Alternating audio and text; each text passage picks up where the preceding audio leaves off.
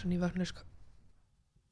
Þessi gott erum heimastúti og þá erum við ekki svona í vatnar og óferskar. Þetta er mjög tilfallandi núna, ég þurfti að vera bara ok, þá vaknar og hleyp ég. Góðan daginn. Góðan daginn. Og verið velkomin í mórskorinn takk, Mhm. ég heiti Þórdís. Ég heiti Jóhanna. Og ég ætla bara að henda mér í málið. Kenzie Marie Hook fættist þann 20. apríl árið 1982 í Newcastle í Pennsylvania. Fóruðrannar voru Jack og Debra Debra Deborah. Og það er bara mjög lítið vitað um æskunannar já, ekkert. Þið fóðu ekki vita neitt. En árið 2009 þá var hún 26 ára gömul og hafði komið sér fyrir í Vampum í Pennsylvania en þar byggum 600 manns og það er um að ræða samfélag þar sem allir þekktu alla. Þú veist, þetta eru 600 manns við ykkur býstu mm -hmm.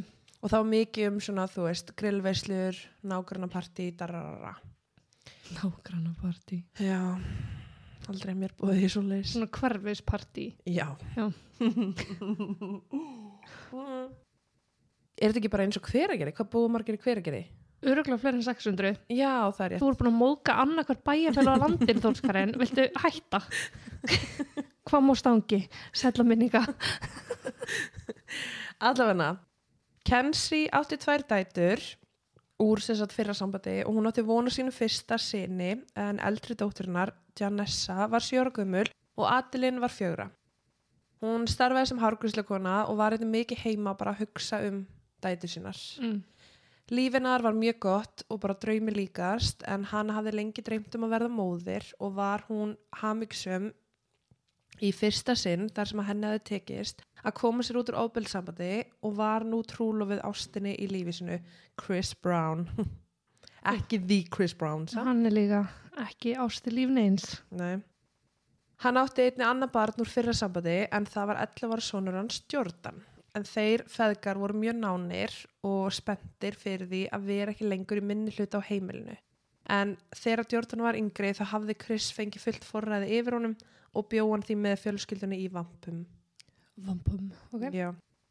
Jordan var í fymtabæk, spilaði hafnabólta eins sem á fótbolta sem að fadir hans þjálfaði og nutu þeir þess að eigða tíma saman. Þeir voru líka mikið að veiða. ok Förstu daginn 20. februar ára 2009 hafði Kenzie beði Chris um að vera heima að sjá um Adelin þar sem hún var með mjög mikla ógleði. Chris vann í stálsmiðjum og þar sem reikningarnir voru byrjar að hlaðast upp á fjölskylduna þá ákvaða hann að fara að vinna en það ætti þau ekkert efnaði að hann væri að taka sér frídag. Fyrir ekki, viltu aðeins sem sagt, fyrsta nafni var Það er Kenzie og Chris. Kenzie og Chris, mamma og pappin Svo er Janessa og Adelin, Já, dætuðna tvær og svo er Jordan sonurinn. ok Þennan morgun vaknaði Chris of seint þannig að hann dreif sig út en rétt að hann kvatti baðan Kenzie um að koma börnunum á stað í skólan. Jordan og Janessa voru því að undirbúa sig fyrir skólan en sest, rútan var væntarleg á hverju stundu og á meðan lá Kenzie upp í rúmi og var sest, bara að hugsa um aðlinn. Kenzie kallaði á börnin að drífa sig svo þau myndi ekki verða sein en skólarútan var vön að koma 8.15 og var mjög stutt í hana. Þannig að krakkarnir hlöpu bara út og held á stað í skólan. Ok, Kenzie og Chris höfðu þennan dag fengið ykkur til að koma og snirta trén á bara svona garðirkjumann. mhm En um nýjuleitið mæta þær á svæðið og taka eftir því að fjögur ára atilinn stendur fyrir utan heimilið og er að gráta. Hún sagði þeim að eitthvað væri ekki eins og þetta að vera en gat svo sem ekkert sagt hvað væri að. Og þeim var vissulega brugðið og voru ágifullir svo þeir ringd á neðalínuna en það óvissir um hvað þeir væri að fara að ganga inn í. Lögurlega mætti fljótlega vettvang og þegar þeir fóru inn á heimilið að skoða aðstæður þá tóku þeir eftir því að Kenzie lá hreyfingalauðs í svefnherbyrginu. Þeir sáu blóð og töldu í fyrstu að hana hafi blætt út sögum ólitunar. mm. Kenzie lá látin í rúmi sinu og ringt var eftir dánardómstöra sem að mætti fljótt að vettvang. Þegar hann byrjaði að hreyfa við líki Kenzie þá tók hann eftir því að hún var með skotsár og því hafði hann blætt mikið út frá því. Á þessum tíma hafði lögreglan ekki náð að tryggja vettvangin almennilega þar sem að það hafði ekkert verið staðfest um hvað hefði gerst til að byrja með mhm, sá hana bara hreyfinglausa, megin alltaf ekki snertana að gera neitt mhm, og þurfa náttúrulega bara að býða eftir mhm. öðru fólki til að koma. Þannig að það var ekki já, ok. Uh, ég veit ekki hvað ég ætla að segja. Ég dætti út af þessu helviti skellinöðru sem var að gera fram hjá. Um, en þeir, já, eins og ég segi þeir eru náttúrulega töldu fyrst að hann hefði blætt út bara sögum óldunar, eitthvað hefði komið fyrir. Og þeir vissi ekki að eitthvað sagnæmt hefði mögulegt sér stað. Sagnæmt esin nú er komið skotsár Mhm. og það er, það er, það er og það þarf að rannsaka hvernig þetta skotsár kom það var því allt á heimilinu mengað hurða húnar skófur þú veist allt þeir hefðu líka átt að leita byssupúri en þannig að þeir vissu eins og segja ekki fyrst að Hvað er ekki? þeir hefðu einnig vilja leita byssupúri en það reyndist um erfi þeir vinna sig út frá aðstæðum og fara að leita í húsinu en þeir finna marga byssur sem að var ekkert óvinnilegt þar sem að Chris og Jordan voru reglulega að fara veiðir saman Mm. og voru bara veiði áhuga menn. Þegar þeir höfðu leitað í eitthvað tíma þá fundu þeir að lokum 20 GOG skotilki fyrir utan heimilið. En í ljós kom að Jordan átti 20 GOG byssu sem hann hefði fengið í jólagjöf tveimur árum áður. Gog. Gaug. Já. Þarna byssu lingóið. Já. Ok. Ekki spyrja mig, ég hef ekki byssur. Nei. Ég, já. Er það G-A-U-G-E? Eitthvað, já. Jeps. Rindar þegar ég spáði, ég held að bysskapur hans ég neyri gemsli. Já, bara selda. Hún vill ykkur kaupa byssur.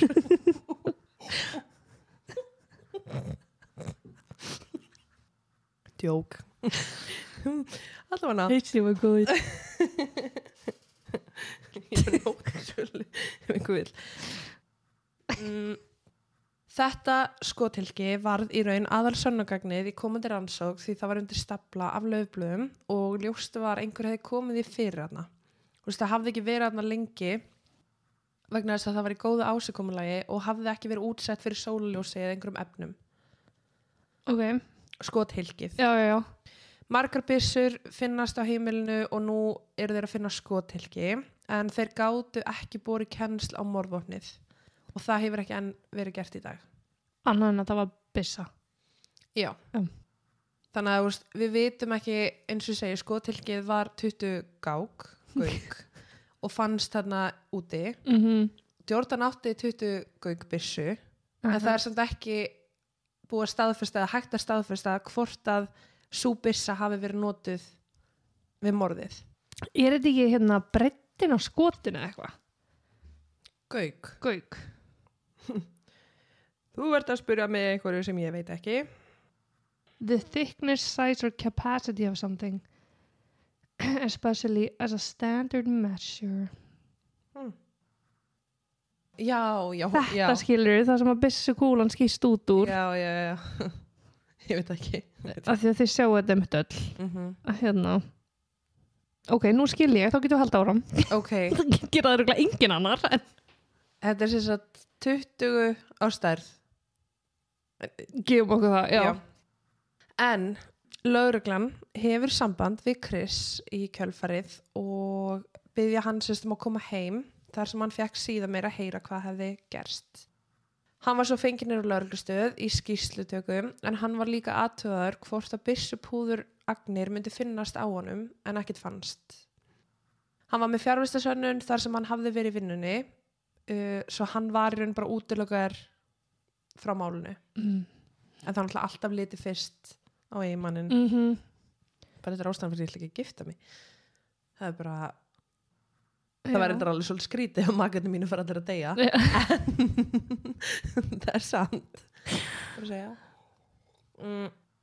Lögreglan fekk einni Jordan og Dianesu til að ræða við sig en þau, þeir sem satt fóru bara í skólan til þeirra og spurja hvort þau hafi tekið eftir einhverju óvinnilegu frá þessum modni. Þau spurðu krakkana allski spurninga en viðtalið við þau var í raun ekki tekið upp. Þess, þetta var bara svona, ok, sást eitthvað já, ok, frábært. Janessa sagðist ekki muna neitt frá þessum modni sem að þótti óvinnilegt eða stóð út en hún sagðist muna eftir því að mamminar Kensi öskraði á þau um að þau þurfti að flýta sér því þau voru að verða of sein og hún vildi ekki að þau myndi missa af skólarútunni. Því ef þau missa skólarútunni þá þarf Kenzie að standa upp úr rúminu og skutla þeim Mhm. hún sagði að þegar að uh, mamminar hafði kallað á þau þá hlupuðu út um dyrnar og Jordan hafði raun bara sömu sög að segja nema hann myndi eftir að hafa séð svartan pallbíl á götunni nálægt innkeyslunni að heimilinu þeirra þegar þau voru sérst að hlaupa út í áttina skólarútunni Uh, ok. sko, við verðum líka átt okkur á því að þegar maður er á sem aldrei og maður er bara eitthvað að hlaupa út að náðu skólarúti, þá er ma maður ekki að taka eftir einhverju óvinnilu í kringu sig Nei. þú ert bara að fókusera á og þú ert alveg í skólan Mhm. þú veist, Og vonandi líka ert ekki þannig prógramaður 12 ára gammal eða eitthvað að þú Mhm. þurfur að hafa ágjur af ná umhverfiðinu. akkurat Jordan er náttúrulega 11 ára 11 fyrir ekki, já. og Janessa er 7 ára Já. en þá var einnig tala við uh, skólabílstjóran og hann sagði það sama það var ekkert sem leiti út fyrir að vera óeðlilegt óeðlilegt er hann stoppaði fyrir utan heimilega að sækja bönnin Nei. Eftir þessari viðtöl fóru Janissa og Adeline til fjölskyldu Kenzie að reyna að vinna úr áfallinu og býða frekari upplýsinga á meðan að Chris var með són sinn Jordan hjá fóröldur sínum. Fyrir ekki var ekki Adeline fjögur ára. Mm -hmm. Hvar var hún? Þegar þetta gerðist, Já. hún var heima, stóð fyrir utan, garður ekki mennir sá hana, Já, fyrir já, já, já, fyrir ekki. utan. Mm Ég var svo upptíkinu skólabílnum að ég... Já. Fleiri viðtöl voru tekið við börnin og sagt, það er bara reglulega að vera að spyrja muni eitthvað meira, muni eitthvað betur og sagt, fjórða viðtalið eða fjórða skýslutakan er tekin upp Uh -huh. en ekkert fram að því Ok. sem er alveg mjög skrítið. Í þessu fjórða viðtali verðist Janessa skyndilega muna eftir því að hafa séð Jordan færa byssuna sína um morgunin og vera sérst með, með byssuna á sér. Hún sagði að hún hafi verið að býða niðri eftir Jordan á meðan hann var uppi. Hún sagðist einnig að hafi heyrt háveran kvell á annari hæðinni á svipum tíma og Jordan var uppi.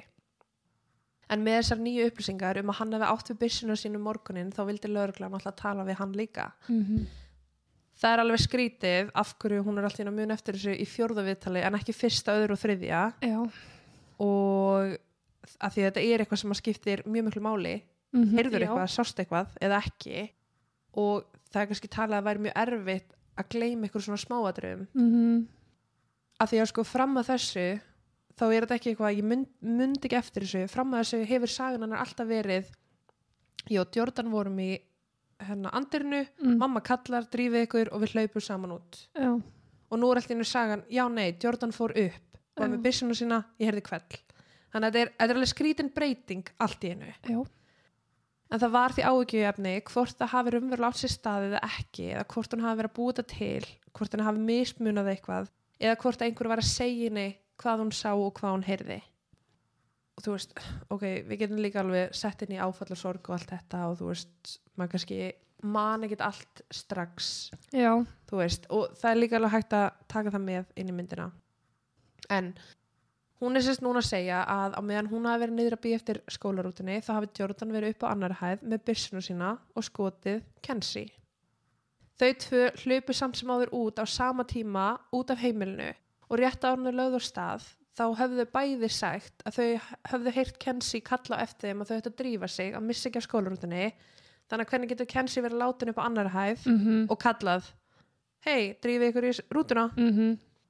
Það virkar ekki alveg svo leis. nei, það er mjög skrítið Janessa deildi síðan öðru smáadri sem hún hafði ekki sagt áður frá en það var að hún hafi séð Jordan kasta einhverju úr vasanum sínum á meðan þau hlupi áttin á skólarútunni Kasta ykkur. já, munum eftir það sem að fannst hann á Já. úti var skotilki Uh -huh. uh, rútubílstjórinn hann hefur hins vegar aldrei breytt sinni frásögn sem að er að hann hafi séð þau bæði hlaupa saman í kapp í áttina að sér og hann segir að hann hafi aldrei séð Jordan taka neittur úr vasanum sínum í mildtíðinu og kasta í Hver var búin að umgangast hana eftir að... fjölskylda Kenzie, Ok. fóreldra Kenzie Ok. það, Ok. já, kemur svolítið inn í um, en sömulegis þá setja alveg spurningamarki við þetta því að vissi einhver í fjölskyldinni að skotilki fannst úti eða vissi enginn það? Af því að ef að hún sá hann kasta einhverju Mm það er svo mikið tilviljun að það síðan fannst það ef að enginn vissi, fattur hvað ég meina? Já. að fyrir svolítið eftir hvað lauruglan er að deila Já. með hverju sinni. Mm og það er ekkit við getum eiginlega ekkit vita það sko. En lauruglan tók þessum nýju upplýsingum frá Janusu með smá fyrirvar vegna þess að hún hafði skyndilega breytt frásögn sinni Jordan var einnig fenginn í skýslutöku og var að gefa frekar upplýsingar um þennan svarta pallbíl sem hann myndi eftir að hafa séð sem hann var lagður nála, nálat heimilinu. Hann, sko, í fyrstu sagðist hann ekki muna hvort einhver hafi setið í bílnum eða ekki, en í þessu fjórða viðtali, alltaf fjórða helvits viðtali, mm. að þá sagðist hann hafa séð einhver setja við stýrið og þessi aðalifa með hatt. á svarta pallbílnum Já, en núna eru sögur þeirra beggja að breytast verulega. Og ef sagna Jordan er sönn, hver er þá þessi maður í bílnum? Og hvers hann var hann lagður nált heimilina þeirra. Já, En ég talaði aðeins um í byrjun að Kenzie hafi nýverið komið sér út úr ábyrðsambandi mm en það var með manni að nafni Adam Harvey sem var sérst fyrrandi kæristanennar til sex ára. Og faðir Adilinn. -hmm. Adam kerði um á svörtum pallbíl. Nú, og Kenzie var mjög hrætt við hann hún var svo hrætt að hún hafði óskað eftir nálgunubanni gegn honum bæði fyrir sig og fjölskyldinu sína. En það var sérst, það er eitt atvik sem er svona sérstaklega minnst á. En Kenzie sagði að Adam hafi ringt í móðurinnar og hótaði að drepa alla fjölskylduna þegar hann myndi koma í bæinn. En hann hafði líka skilið eftir nokkuð skilabóð þar sem hann hótar að drepa Kenzie hótar meiðirðum og bara hótar fjölskyldunni. Og hún var bara skítrætt við hann en það fullfær um að vita hvernig maður hann var og hvað hann gætt gert. Mm -hmm. Uh, Skýslutak á Adelin hafði það ekki skilað neinu? Á Adilin svo fjóra ára? Já, mm, nei. Nei. Adam átti líka við áfengisvanda að stríða en eftir þessa hótanir þá hafði hún haft samband við lögregluna sem stakk upp á því bara að fá nálgunabann mm. Nýlega höfðu komið upp reyfirildi á milli Adam og Kenzie út af meðlagsgreðslum en sem sagt, eins og ég segi, þá var Adam uh, faðir fjögur ára Adilin en eftir þetta reyfirildi þá hann hafði sérst sóst eftir að fá faðirnispróf og viku áður en að Kenzie lest þá komið niðurstöðunar og Adam var ekki faðirinn Viku áður? Já, Ok. Sem að gera það verkum að Adam var brjálaður, Shit. skiljalega Já, en í kjölfari fór hann að árita Kenzie og fjölskyldinu hennar af því að sérst, hann vildi sérst meina að hún hafi logið af honum öll þessi ár að hann væri pappin. Já Ég meina þau voru saman í sex ár, hún er fjögur ára, mm hún lítið þá að hafa sofið okkur um öðrum, Mhm. þú veist þetta er, já, þannig að reyðin, mm. Kvöldið áður en að morði átt sér stað þá rakst hann, Adam, á fjölskyldu Kenzie þar sem að þau voru að borða á veitingastæði bænum. Adam hafði sérst færið þangað til að sækja sem mat og það voru ykkur orðuða samskipti á milli, mikið um öskur og rifildi og lokum var honum hent út af veitingastæðnum. Ok Á innan við 12 tímum síðar finnst Kenzie látin inn á heimilinu sinu. Mm. En lögreglan er sem sagt voða lítið að spá í Adam eða hans tilvist á þessum tíma vegna þess að þeir eru bara svolítið mikið að einblýna á frásögn Janusu. mm. Hver var henni samt svona mikið í munum að klína svo hann Mm -hmm. eða fjölskyldu Kenzie En sko með Adam, lögreglan hafði sérst farið heim til Adam um morgunin, morgunin sem að Kenzie fann slátin og þeir tóku eftir að það var snjór ofan á þaki bílsins sem að þeirra sögn sannaði að hann hafði ekki ekki bílinn sinum síðustu 24 tíma. Um, auk þess töldu þeir að viðbröðans við andlati Kenzie hafi verið átakarleg og það fannst ekkert byssupúður á höndunum hans. Á meðan skýslutökunni stóð útskýrði Adam fyrir þeim að Kenzie hafði upphaflega logiðað sér með að Adelin væri dóttir sín og sagði að hann vissi ekki eins og hvar Kenzie ætti heima eftir hún hafði flutt inn með Chris sem er bara mjög erfitt að trúa að búa 600 mannsana. Já, mitt, einhver veit eitthvað. Einhver veit eitthvað. Plúsa þú veist, hann er reglulega í samskipti við hann að varandi badnið sem að hann held að væri sitt. Uh -huh. uh, hann er á hótinni og fylgjast með henni þannig að það er ekkert eitthvað langsótt hann veit ekki hvar hann er heima Nei hann segir lögreglunni að hann hafi verið heima hjá föður sinum til nýju þennan morgun sem að fadir hans staðfesti og fadur hans, ok mm -hmm. auðvitað vitum við hvað fólkra getur gert fyrir börni sín mm -hmm. En það er líka að tala um að hann hafi farið í legapróf en það er ekkert að tala um hverja niðurstöðunar eru. En ég tel að ef hann hefði fallið þá hefði við klálega fengið að vita. Já, En út frá þessu að það var sagt, snjór á bílnum hans og ekkert byssupúr á höndunum og fjárvistrannin þá er hann bara útilokaður. Okay. alveg. Chris og Jordan höfðu verið heima hjá fóreldrum Chris á meðan Janessa og Adeline voru heima hjá fóreldrum Kenzie. En sem sagt klukkan 03.30 átján tímum eftir andlat Kenzie aðfara nótt dæn eftir að þá er bankaharkala á hurðina heima hjá fóreldru Chris þar sem að þeir voru báður sofandi Lörglega var mættu vettfang til að handtaka 11 ára Jordan fyrir morðið á stjúpmóður sinni og var hann ákjærður fyrir fyrsta stygs morð á Kenzie og ófætta bróður sinum. Sönnunagagnir sem að lauruglan hafði voru upplýsingar og frásögn Janusi en sagan sem hún hafði gefið eftir fjórða við, viðtalið virðist hafa verið nóg til að sannfæra þá um að Jordan hafi raun drepið Kenzie. Hæpið, ok, ok. Á staðunum fannst teppi með byssupúðurögnum en það hafði líklegast verið notað til þess að deyfa hljóðið. Svo sett fremst Mm. skoti. Lauruglumenn vildi einnig meina að þeir hefðu fundið buksur og jakka sem að voru í eigu Jordan en á þeim fannst byssupúður og það leiti allt út fyrir að nýlega hefði verið hleyft að byssun á Jordan þó svo það sé ekki að staðfesta það sem morðvopnið. Ok. Jordan hafði sérst farið á kalkunaveiðar tæpri viku áður en að Kenzie lest með pappa sínum og var í þessum fötum þannig að hugsalega getur verið byssupúðuragnir frá því að hann var að veiða síðast Já. ef hann hefði ekki þvó þvegi fötið sinn Uh, hann er 11 ára gamall sko, hann að mm -hmm. trúlist ekki mikið í því sjálfur. Nei og líka ef þetta er einhver útiföt fattaru þú ert ekki að þvóðu eftir hver skipti Nei, þú hendið þeim bara inn í skáp já. en á byssunni var sérst búið að þurka öll fingraför af. Ok. þannig að það fundist ekki eins og fingraförun á stjórdan sem að var að veiða með byssunni fyrir viku síðan. Ok. Ok, já, og hendur Jordan voru aldrei skoðar fyrir byssupúðri. Nú, það náttúrulega alltaf seint að gera það þarna svona lengi það gæti alveg verið svona agnir eða eitthvað. Já, en þú veist eins og þegar þau mætti í skólan til þeirra, Já. bara hei, þeir voru á heimilinu hm, hefum skoða, Mm það var ekki gert Lauruglan í raun bara samþykti þessa frásögn Janusu en það er líka verðt að taka fram að eitthvað starf las ég að fóreldra Kenzie trúðu því að Jordan hafi gert þetta vegna þess að hann var sem sagt sonur Chris, ekki Kenzie og Janessa hafði náttúrulega, náttúrulega verið að gista hjá þeim þar til að Jordan var handtekinn og það er talað sérst um að ástæðan fyrir því að Jordan hafi drepið hana er vegna þess að hann var afbrýðisamur út í ófætta bróður sinn. Þá hafði nýlega uh, hann verið fenginn til að skipta um herbergi svo litli bróður hans, þau getur komið litla bróður hans fyrir nær söfnherberginu þeirra. mm. Ok. En já, það er sérst, lauruglan handtekur hann og út frá frásögn Janusu og út frá því að það fannst hann að byssupúður á föturum hans en það fannst mjög lítið magn og það er líka talið að ef hann hefði skotið Kenzie þennan morgun hefði þá ekki verið blóð þetta er haglabissa Já, jú. hefði ekki verið blóð á fötunum hans og hefði ekki líka verið meira byssupúður heldur en bara eitthvað smá Ég hefði haldið það sko. Ég hefði haldið það líka.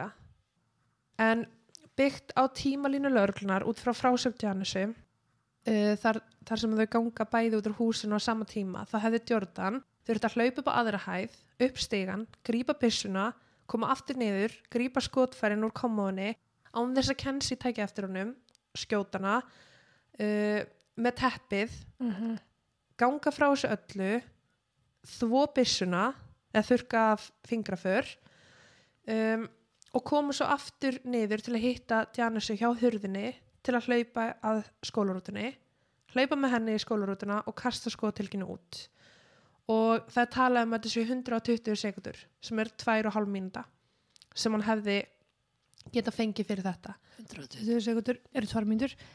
Já. 60 pluss 60 eru tvær myndur. ég veit ekki hvernig ég, er bætti við þessu 30 sek veit ekki hvernig en já, sem sagt á tveimur, það er talið að því að Janessa segir, hann var frá mér í tvær mínútur, Já. á tveimur mínútum hefði hann þurft að gera allt þetta sem er alveg geranlegt En sko, hann haldur rósinni líka. mm já. Að því að eftir þetta þá fer hann sagt bara með stjúpsýstu sinni í skólan og þar segja allir kennarar og aðri nefndur að þetta hafi bara verið venjulegu dagur. Hann var ekki öðruvísi. Það var ekkit öðruvísi við hann. Nei, þú veist, hann er 11 ára gamall gamalt, gammalt hann er 11 ára gamall og er þá talið er nýverið búin að fremja svona hræðilegan glæp og hann mæti bara í skólan og fyrir að re reikna einhver stærfræðið já, en plúsa að 11 ára barn getur skipulagt eitthvað svona það er alveg, þú veist, það er alveg gerlegt við höfum alveg séð það. Já, þetta er svo mikið meira heldur en þú ert að vera búin að plana þetta þú veist, þú ert að gera ráð fyrir að Janessa sé niður allan tíman mhm. Gera ráð fyrir að pappiðin sé farin mm Mhm. aðilinn sé ekki á staðnum, þú veist. Þú ert að þurka byssuna fingraförum Jó, hann hafi náði að gera það svona óbúslega vel. já, og líka sko fötin sem að fundist á heimilinu er ekki fötin sem hann var í í skólanum. Þannig að hann hefur þurft að fara í þessi föt skjóta, Já. fara úr fötunum. Á tvei myndum. já, teppið, þú veist. Hvað ætla var að krakka þetta í hug að setja hljóðdefi? Ég veit ekki en þetta er bara mjög vel skipulagt Mm -hmm. og þetta er gert á með tíma Mhm. og já Af 11 ára krakka. mm -hmm. Ég leifi mér að efast, sko. já, ég, ég er alveg þar líka sko en Jordan var sérst ákærður fyrir þessi tvö morð og Já, og litla bróður sem líka. já, Ok. og það var ákveðið að dæma hann sem fullorinn einstakling 11 ára gaman, gamall. Já, og það er sagt, þá var hugsað út frá því uh, hver hróttalegt þetta morð var en aðalega var ákveða dæman sem fullar hann einstakling vegna þess að hann vildi ekki játa á sig verknæðin. Ok. Já. En sem sagt, lögin í Pennsylvania eru þannig að bara fyrir þessa ákæru er bara sama sem merki lífstegafangilsi. Mm Það er ekkit pluss eða mínus. Nei. Það er bara, þú veist, automatically lífstegafangilsi. Eftir að Jordan var handtekinn þá hringdi Chris faður hans í lögfræng en Jordan var sérst haldið í gæslivaraldi í fangelsi fyrir fylluna og þar sem að það var ekki pláss fyrir hann þá var hann sérst haldið aðskildum frá öðrum vistmönnum og þá er bara eiginlega verið að tala um að hann hafi nánast verið í einangrun. Já, sko, 11 ára gammal bann í eitthvað svona max mm öryggisfangilsi þar sem allir bannaperðarnir eru líka. Það er líka bara brota mannréttindum sko. og í bara. Já, og sko það, var, það voru ekki eins og gerðar neina ráðstafanir um að það væri sérst, 11 ára drengur að koma. Þannig að hann var bara svona semi veist, flakkaði um með öllum öðrum föngum. Og uh, það, voru, það var heldur ekki gert ráðstafanir til þess í hverja nætt að klæðast eða í hverja nætt að vera. Þannig að hann var í sérst, appisinu gulum galla fyrir fullona og þurfti að bretta upp á ermannar þúsundsunum til að geta rétt svo gengið í þeim. Mm. Og hann var bara að draga þetta eftir hælunum skilur hann var ekkert heima þarna Nei. ekki neitt hátt.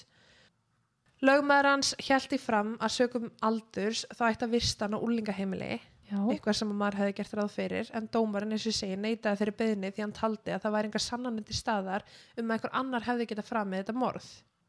Og þar sem að Jordan vill ekki játa að þá eru þeir bara ok þá er dæmi við þig sem fullorinn um, en þú veist það er náttúrulega bara stjórnarskrá var réttur hans að neita Já. fyrir þetta og hann líka má sleppa því að segja eitthvað sem hann vill ekki segja. Um, en af því að hann sagðist vera saklaus þá, Er það ekki lí- líka sko má neita því að segja eitthvað anþess að það hafi afleðingar? það er, Er það það er ástæðan jú, það er ástæðan fyrir þessu. Og þú þarf líka ekki að játa á þig eitthvað sem að þú vilt ekki Nei.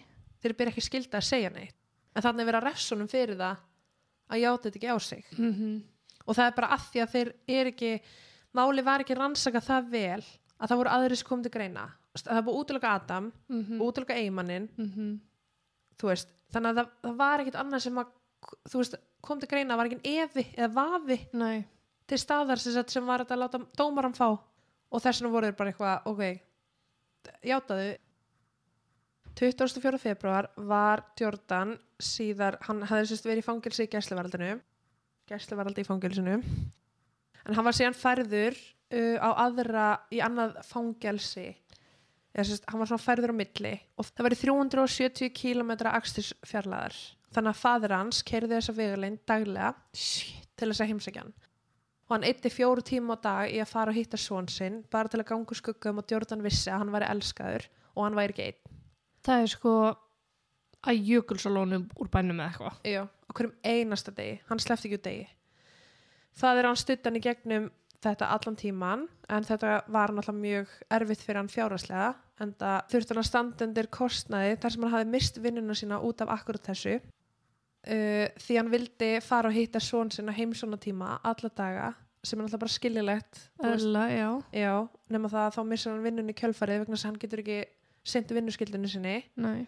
og allir peningurinn sem hann átti eða gat útvega sér fór í bensín og mat. Chris var handviss um að Jordan væri saklaus og hann hefði ekkert með morði og kensi að gera. Hann segir líka sérstaklega að þetta er 11 ára bann. Hann er búin að ræða margótt við hann og hann segir bara sjálfur, þú veist, ég þekki bannið mitt, ég veit hvernig bannið mitt lígur, ég veit hvernig bannið mitt er ekki að segja mig sannleikann þú veist, út frá hegðun, svipriðum og bara allt. Þú veist, er það ekki alveg svolítið þannig? Þú veist, þú svona sérð alveg sem í ef að Írna kemur til þín Ég, og ljúga hann þér. strax sko. það, ég, hún er að sko reyna að búa til eitthvað plati hausnum á sér ég ég spotta það strax. Já, og þú veist, og þetta er akkurat það sem að Chris talaði um, hann var bara, ég þekki barnið mitt, Mhm. ég veit hvernig hann lígur og hann er ekki að ljúga núna. Og þess vegna er Chris að standa svona mjög mikið, eða veist, mikið með honum. Mm -hmm. Er ríkalar aðstæður að vera að syrkja einhvern sinna svon sinn og svo þetta með svon sinn uh -huh. sem að liggur undir grun Já, og lífið bara gjörbreytist. Jordan var formlega ákjörður 7. mæja ára 2009 og eins og segi, hann var ákjörður fyrir fyrsta stegsmorð, tvö fyrstu, fyrsta stegsmorð. Hann neitaði allir sög og á þessum tíma hafði hann verið í fangelsi og lögmenn hans reyndir sérst að fá uh, því framgengt að hann er þið færður á unlingaheimili og að uh, málið er þið fært yfir í juvenile court mm -hmm. bara ólinga dómstólin uh, og, og lögmenn hans voru bara að vinna að því að uh, láta framselja málið þangað en tæpa ári síðar eða 29. mars ára 2010 þá neitaði dómarinn þeirri tillögu og fyrirskipaði að réttað yrði yfir honum sem fullanum einstakling og ástæðan var svo að að geðurleiknir sem hafði nýlega eitt tíma með Jordan sagði að hann myndi ekki taka ábyrð á gjörðu sínum og að endurhæfing innan úlingafangelsisins væri ekki líka til betrunar nýjmyndi ná árangri. hver er hann ákveða það? Já, en hann var ju vissilega ekki að taka ábyrð á einhverju sem hann gerði ekki. nei, Þannig að þú veist, þarna kemur geðleiknir fram og segir bara, já, hann er aldrei að fara að taka ábyrð á þessu. Hann er aldrei að fara, þannig að þessi betrun í úlingaheimili mun ekki gera gagn ok, sko ég, já, sem að þýðir lífstega fangelsi af því að hann þarf þá að sitja inn að eilifu. og það er eitt geðlæknir sem gefur matsitt á þessu Já. ok, mér finnst það bara ekki sangjant Nei. þú veist, ekki í svona óðbóðslega viðkvæmu máli þarna þarf bara að eigða öllum vafa Já. En lögmenn hans voru náttúrulega bara að vinna stanslaust að málinu og þeir náttúrulega eru bara búin að fresta málinu, fresta réttarhöldunum til þess að leggja fram gögn og eitthvað. Og það var síðan í ágúst ára 2011, notabene þetta gerist 20. februar 2009, já, já, þannig að tveimur árum síðar, hann er 13 ára. Já, að þá sagt, uh, er snúið þessari ákvörðum við. Og það er ákveðið að málið ætti að vera flutt í úlingadómstólinn uh, þar sem að dómarinn þarna taldi að sakborningunum væri móttækilegur fyrir betrun undir eftirliti með meðferð og endurhæfingu sem úlingur mm þetta 13 ára gamall. Og þá er sérst tekið tillit til aldur hans og þroska og að það hefði verið brotið á honum í byrjun með því að meðandla málið sérst, sem hann væri fullan einstaklingur út frá því hann vildi ekki játa. Já, eins og ég segi, ef það hefði verið rétta yfir honum sem fullanum einstakling og ef hann hefði verið dæmdur segur þá hefði hann fengið lífstíðafangilsi ánmöguleika reynslu laust en fyrir úlingadómstólnum þá myndi það sérst, réttakerfi hafa lögsugu yfir honum til 21 ás aldurs. Og eftir það þannig að sagt, ef hann er dæmdur þá er hann bara dæmdur til 21 ás mm og svo er það fært málið í sagt, uh, bara hæstaréttin. Já. og þá er þetta dæman áfram sem, fullorinn ok. Um, réttarhöldin yfir honum hófust í april 2012 þetta er að gerast á svo lengu tíma sko. og í þessum réttarhöldum voru bara margar mismunandi skoðanir. Margir mætti ból honum til stuðnings þar sem ástóð að Jordan væri saklaus á meðan aðrir heldur fram sektans. Fjölskylda og vinir Kenzie og Chris flestir töldu hann vera saklausan og voru mjög opin með það og fáir fjölskyldumeðlemir vildi trúa því að hann væri færum eitthvað svona. En fadir Kensi vildi meina að Jordan væri segur og var að segja að það væri hræðilegt að fólk skildi koma fram og ljúa í vitnastandinum fyrir Jordan. En þá var hann að vitna í sem sagt, þá sem að komi fram og sögðu að Jordan geti aldrei gert þetta. Ó, sem meðal hans Chris og fleiri en Chris hafði líka komið fram í vitnist, vitnastandinum og sagt bara að Jordan elskaði Kensi, hann myndi aldrei gera þetta. Mhm, uh, sérst, áður en að rétturhöldin á sér stað þá urðu líka orðarsamskipti á milli fjölskyldu Chris og fjölskyldu Kensi þar sem að þau fóru bara að rífast. Þú veist þar sem þetta var bara að því að fjölskyldu Kensi telur hann sér sigur mhm, fjölskylda Chris gerir það ekki. En helsta ágrinningsmálið í rétturhöldunum sjálfum var morðvopnið það var ekkert morðvopn mhm, til staðar og ég skil ekki við þetta er komið á þann tíma áttu ekki að geta borið saman skotsárið kúluna við byssuna og fundið út ég, þetta er Er það bara ekki, það er ekki, þú veist, það er eitthvað vafi um að byssan hans sé skotofni og þess vegna má ekki tólka það sem Já. skotofni. Er það bara ekki, liggur það bara ekki eitthvað svona jú, tæknilegum atriðum frekar en að það sé ekki nein hugmynd um hvað skotofni sé. Það er bara ekki að, það ekki Það er að staðfesta með, með vissu. Nei. En það voru heldur engin vittni, það var ekkert blóð, engin líkamlega sönnagögn. Eina sem fannst var skotilgiðir sem að lá í garðinum sem að kom úr byssun á stjórnan. En sem sagt, uh, rannsvöndar aðalar sem að fóru yfir vettfangin voru ekki sérfræðingar í byssum. Það er náttúrulega bara lögreglumenn, Já. almenni lögreglumenn. Og þeir gáttu því ekki sagt til um það hvort það væri sem sagt lykt af byssunni sem að kemur þegar að búa, nýbúa henni Mm. sem myndi benda til þess að hún hefði verið notuð ekki en uh, þú veist það var ekkert svoleiðis til staðar Nei. Réttaröldin stóðu yfir í þrjá daga og þann 13. april árið 2012 var Jordan fundin segur og dæmdur í unlingafangelsi til 21 ás aldurs.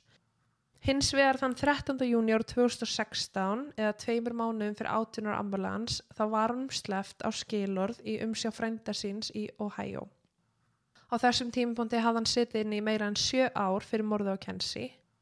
Um, eftir hann losnaði þá lærði hann að spila gítar, hann lærði, uh, fór að æfa körfubolta og var með mjög góður einhvernir í skóla. Hann útskrifaðist einn úr mentaskóla þrejum dögum eftir að hann var látið lausa fóngilsi.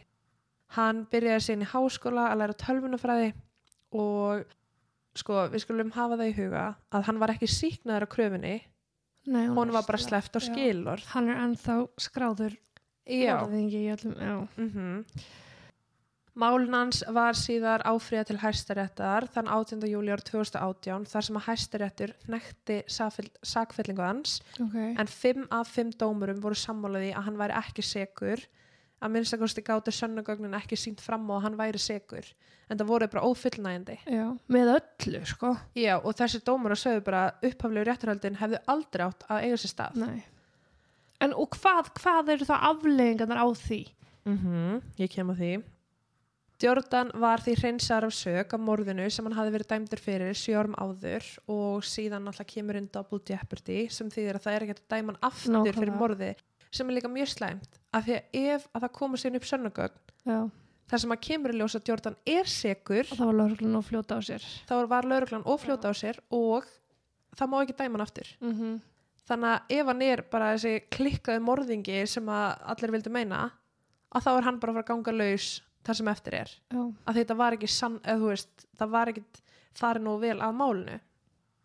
Um, lögmenn hans komið fram að blaðamann fundi eftir síknuna og sögðu bara að hann hafi verið fórtalamb kerfisins. 11 ára drengur dæmdur fyrir að drepa einhvern föður síns og ófætt barnennar sem var bara byggt á ófullnægindi sönnugögnum en það var því mikil gleði þennan dag þegar Jordan var loksins látin laus en einnig sorg að hann skildi að hafa mist að svona mörgum árum já. af lífi sinu en það versta er að ef að Jordan var saklaus að þá hlýtur morðingi Kensi að ganga laus. Mm Þetta eru líka sko mótunar árin hans Já, sem eru farin, sem eru, 11 já, til 18 ára. Sem eru sko inn á einhverju stopnun uh -huh. fyrir úlinga sem eru búin að gera eitthvað, þú veist bara grófir ofbeldismenn Já. undir lögaldri. Uh -huh.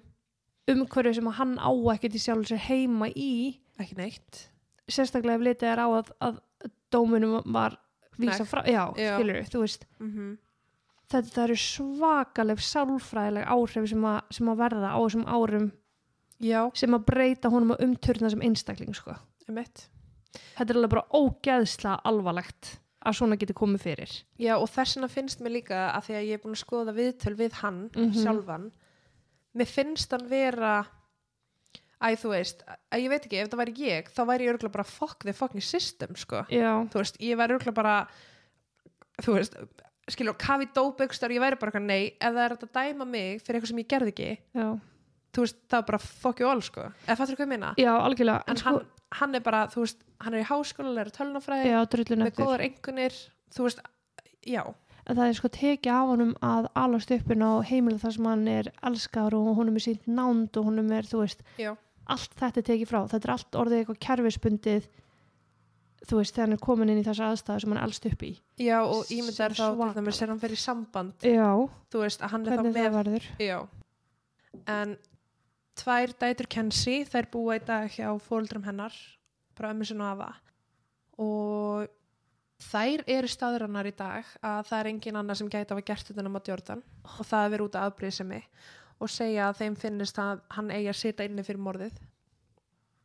Um, árið 2020 endaði Jordan á því að hefða engamál gegn fyrrum lauruglustjóru Pennsylvaníu fylgis sem og fjórum öðrum lauruglumönnum sem að rannsökuðu málans og handtókan Jordan, hann heldur því fram að rannsakatur hafi ekki fyllt eftir lögum þegar þeir tóku viðtöl við börnin en viðtölin við dætur Kenzie voru sérst ekki tekinu upp. Nei. Og á þessum tíma þá fengur sér satt fullurinn einstaklingar að koma inn og út úr herbyrginu eins og um síndist og það var allt bara eitthvað svona þú veist, ef það átt að nota bara þetta viðtal mm þá þarf þetta að vera sérst, eftir lögum, Mhm. hvernig viðtali er skýslutakan fyrir fram og það var ekki fyllt því eftir vegna þess að þetta var bara eitthvað svona já, herri, förum hérna og lalala, þú veist, og Mhm. fullt af fólki fekk að koma inn og svo allt í nér, þú veist, ammenur og afið þá segir hún þetta og svo er ykkur hérna, veist, þetta var bara já, það var ekki þetta fó, ger, var ekki gert eins og ætti að gera. En það er líka að tala um að sérst, fyrsta viðtalið ætti í raun að vera það áræðanlegasta já, vegna þess að það, þú mannst þú ert með bestu minninguna þá en samt þú fallist á að nota fjórða viðtalið gegn honum, en það var líka eina viðtalið sem var tekið upp, já, þannig að það er svo þeirra bara klúðrað í byrjun, tekið fjórða viðtalið og svo, mm. Já Janissa og Jordan fóru náttúrulega sama tíma út úr húsinu í áttaskólabilnum og hún byrjaði að tala um þetta þennan kveld sem hún heyrði eftir að hafa verið umkringt ömmu svona af í eitthvað tíma mm sem að gera það verkum að Jordan endaði svo endaði. Lögfræðingar hans gafist aldrei upp á honum og það er sem sagt í raun bara að tala um að Pennsylvania fylki hafi rænt æskun hans. Hann hafði verið í einhver tíma í einangrun sem að er eh, bara fyrir 11 ára bann. Sko fullorinn einstaklingar er að koma mjög illa út úr einangrun. já, Hvað þá 11 ára bann? Þetta eru 23 tímar á dag. mhm Lögfræði teimið hans taldi að lögreglan hafi raun bara búið til sönnagögn gegn honum sem og fali sönnagögn sem að myndi sanna saklýs hans. En það er einhver haldbara vísbyttingar sem benda á Jordan. mhm Uh, það er ekkert DNA, engi fingraför og þessi stað treystuður yfirlýsingu sjóra stúlku sem hafi breytt sögur sinni fjóru sinni með skýrslutöku lögreglu. já, Engin almennileg rannsókn var gerð á fyrirhandi Kenzie Adam sem hafði hótað henni margsinni speitt hana ofbeldi og hitt hana sérst 12 tím fyrir morðið og nýverið komist að því að Með- Kenzie hafði logið á honum í öll þessi ár. Um, þú veist, lögumærin segir líka bara að rannsóknlörglunni þeim mistókst að leggja fram sérst útilókandi sönnugögn sem myndir sanna sagt Jordan mhm. Að þá er þú veist til dæmis eins og þeir fara hana og eru bara eitthvað Jordan er segur og þeir getur henni ekki sagt já en þessi er ekki segur út af þessu þeir get ekki útilokað aðra möguleika af því að þeir rannsökuðu málið ekki nógu vel. Nei, þú eru bara með tunnel vision á já, þú veist hvað með bílinn sem að var þarna fyrir utan? Uh, hver var í þessum bíl? Og þú veist Mér finnst líka rökin voru svo að Adam hafði ekki komið nálagt heimili Kenzie að því að það var snjór á þakinu á bílnum. uh -huh. af því þá tala maður bílinn hittni Mm en Mér finnst það samt ekki nægilega góð Nei, rök, sko. það, það eru fárlega rauk sko. Veist, en líka bara það mér finnst vandinni svona var að snjóa hennar dag gæti Já. hann hafa bara keirt skotið, farið og svo bara byrja að snjóa aftur á bílinn Þetta er mitt rauk sem að lögfræðingar Adams hefði kannski ekki notað ef að Adam hefði verið ákjærður. já, en hann var útlökaður strax og líka fjárvistasönnu frá pappaðinum Það er ekki nógu gott. mér finnst bara að makar og fóreldrar eigi ekki að fá að gefa fjárvistasönnu sko. Það eigi ekki að taka jafn mikið mark á því En það er líka sko, ef þú er giftur, að þá þarft ekki að bera vitni gegn makaðinum.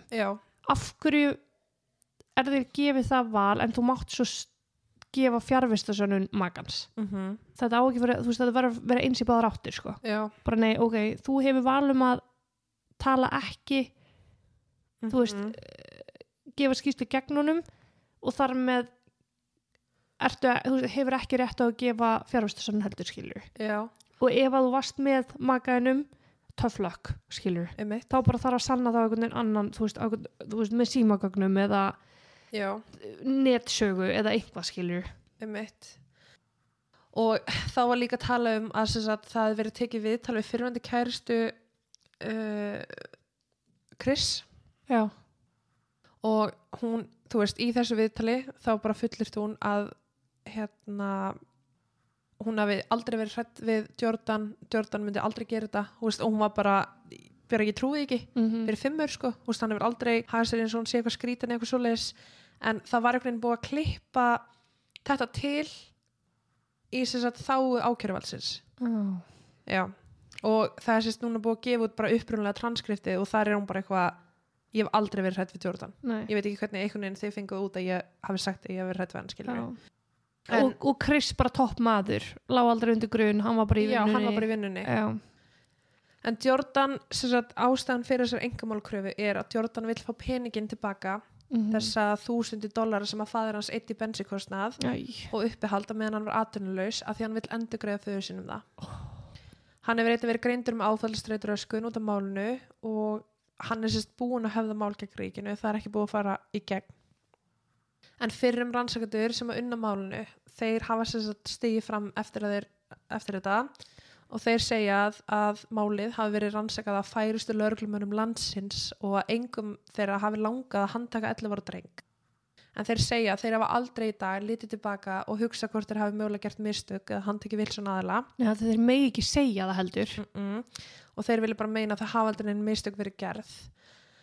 En það situr enginn inn í dag fang í fangelsi fyrir morðu á Kensi og ófætta barni hennar. Og þú veist, í rauninni spurningin er bara getur verið að Jordan hafi drepið Kensi vegna þess að hann var afbyrðisamur út í litla bróðu sinn?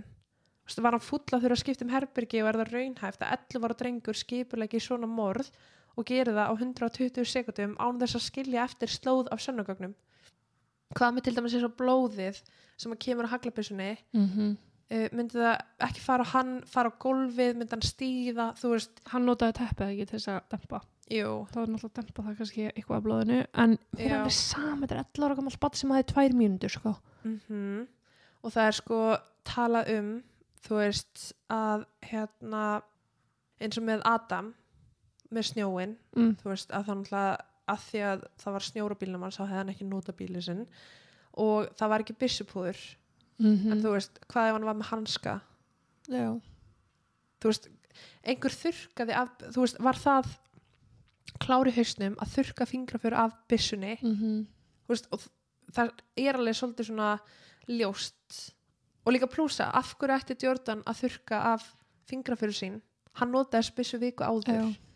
hann hefði alltaf getað sagt, ég, ég var að veiða með pappa fyrir viku, auðvitað eru fingraföru mín þarna. Já. þannig að veist þetta meikar ekki þetta er byssa í sens hans eigu það En þetta er sko frá 8.15 að því að klukkan 9 koma garðurkjumenninir þannig að það er þessi 45 mínuna rammi sem einhver hefur þá til að koma inn á heimilið og gera þetta. og það var svartu pallbíl fyrir utan Já. Já. vissi Jordan að Adam ætti svartan pallbíl er það eitthvað að vita? Nei, það er ekkert. Nei, það er ekki tekið það, fram Nei. En ég held að þau hafa ekkert mikið verið að ræða Adam. Nei, börnin, ekki ef hún var svona hrætt við hann og annað sko. Vistu það, það er bara það, þetta er færustu löguruglumenn landsins, já, þeir eru mitt bara allir þarna í þessu 600 mánu síslu í Pensilvaníu og saman komnir Ándjóks. þeir geta ekki sagt að þeir hafi gert mistök því það setur vafa á allt annað sem þeir hafi gert Uh -huh. en þetta, þessi ákæra sem að Jordan er að þú veist þessi stefna sem hann er búin að gera núna þetta var að vera settlað með einhverju gommu að pening mm og bara vegna honum vel í lífunu skilur já, í kjölfarið, en þetta er samt svo ríkalega vond að því að þú veist þarna hefur verið að rjúa tengingu líka þú veist frá við Chris og dætrunar Kenzie og Jordan og dætu Kenzie. Mm og þær tvær að alast upp með það. Öruglega pískræði eiraðanum á, á þeim skilur, já þetta var Jordan var ekki Jordan vondur, hvernig var þú veist. Ó, þetta er svo umulegt og morðingin laus eitthvað starf þetta er Jordan 11 ára gammal ég bara glemdu því, og þetta er Jordan í dag. En þetta er bara þetta er ekki lægi hann er 1.40 að hæða eitthvað skilur, þú veist. Nei, líka bara, þú veist að ég veit ekki, mér finnst ég, jú, við höfum alveg heyrt um, þú veist, ráðmorgi sem var áttara, skilur og við höfum alveg heyrt um þú veist, alls konar svona það sem að drepið. Þar getur fólk líka tengt frá A til B sko. Já, en þarna, þú veist, þetta er þetta er, þetta er 45 myndir sem einhver annar hefði gett haft. Já, ef við segjum að Jordan gerði þetta ekki. Og þú veist, einhver kemur inn á heimilið. Veist, það er líka alveg vafinn, einhver þarf að koma inn á heimilið vita hvar byssuna Jordan er eða byssur, mm finna skotilki. Þú veist, og það er ekki eins og með fulla að sanna að byssanar stjórnans hafi verið notið annað en það var bara búið að hann alla. Já, það er búið að þurka fingrafyrin sem að er skrítið vegna þess að það það sko hann var að veiða hann áður. En- en þá er líka að tala um sko að um, að því að hún hann að Janessa hún sagði að Jordan hefði verið eitthvað að fykta með byssunum sínu uppi.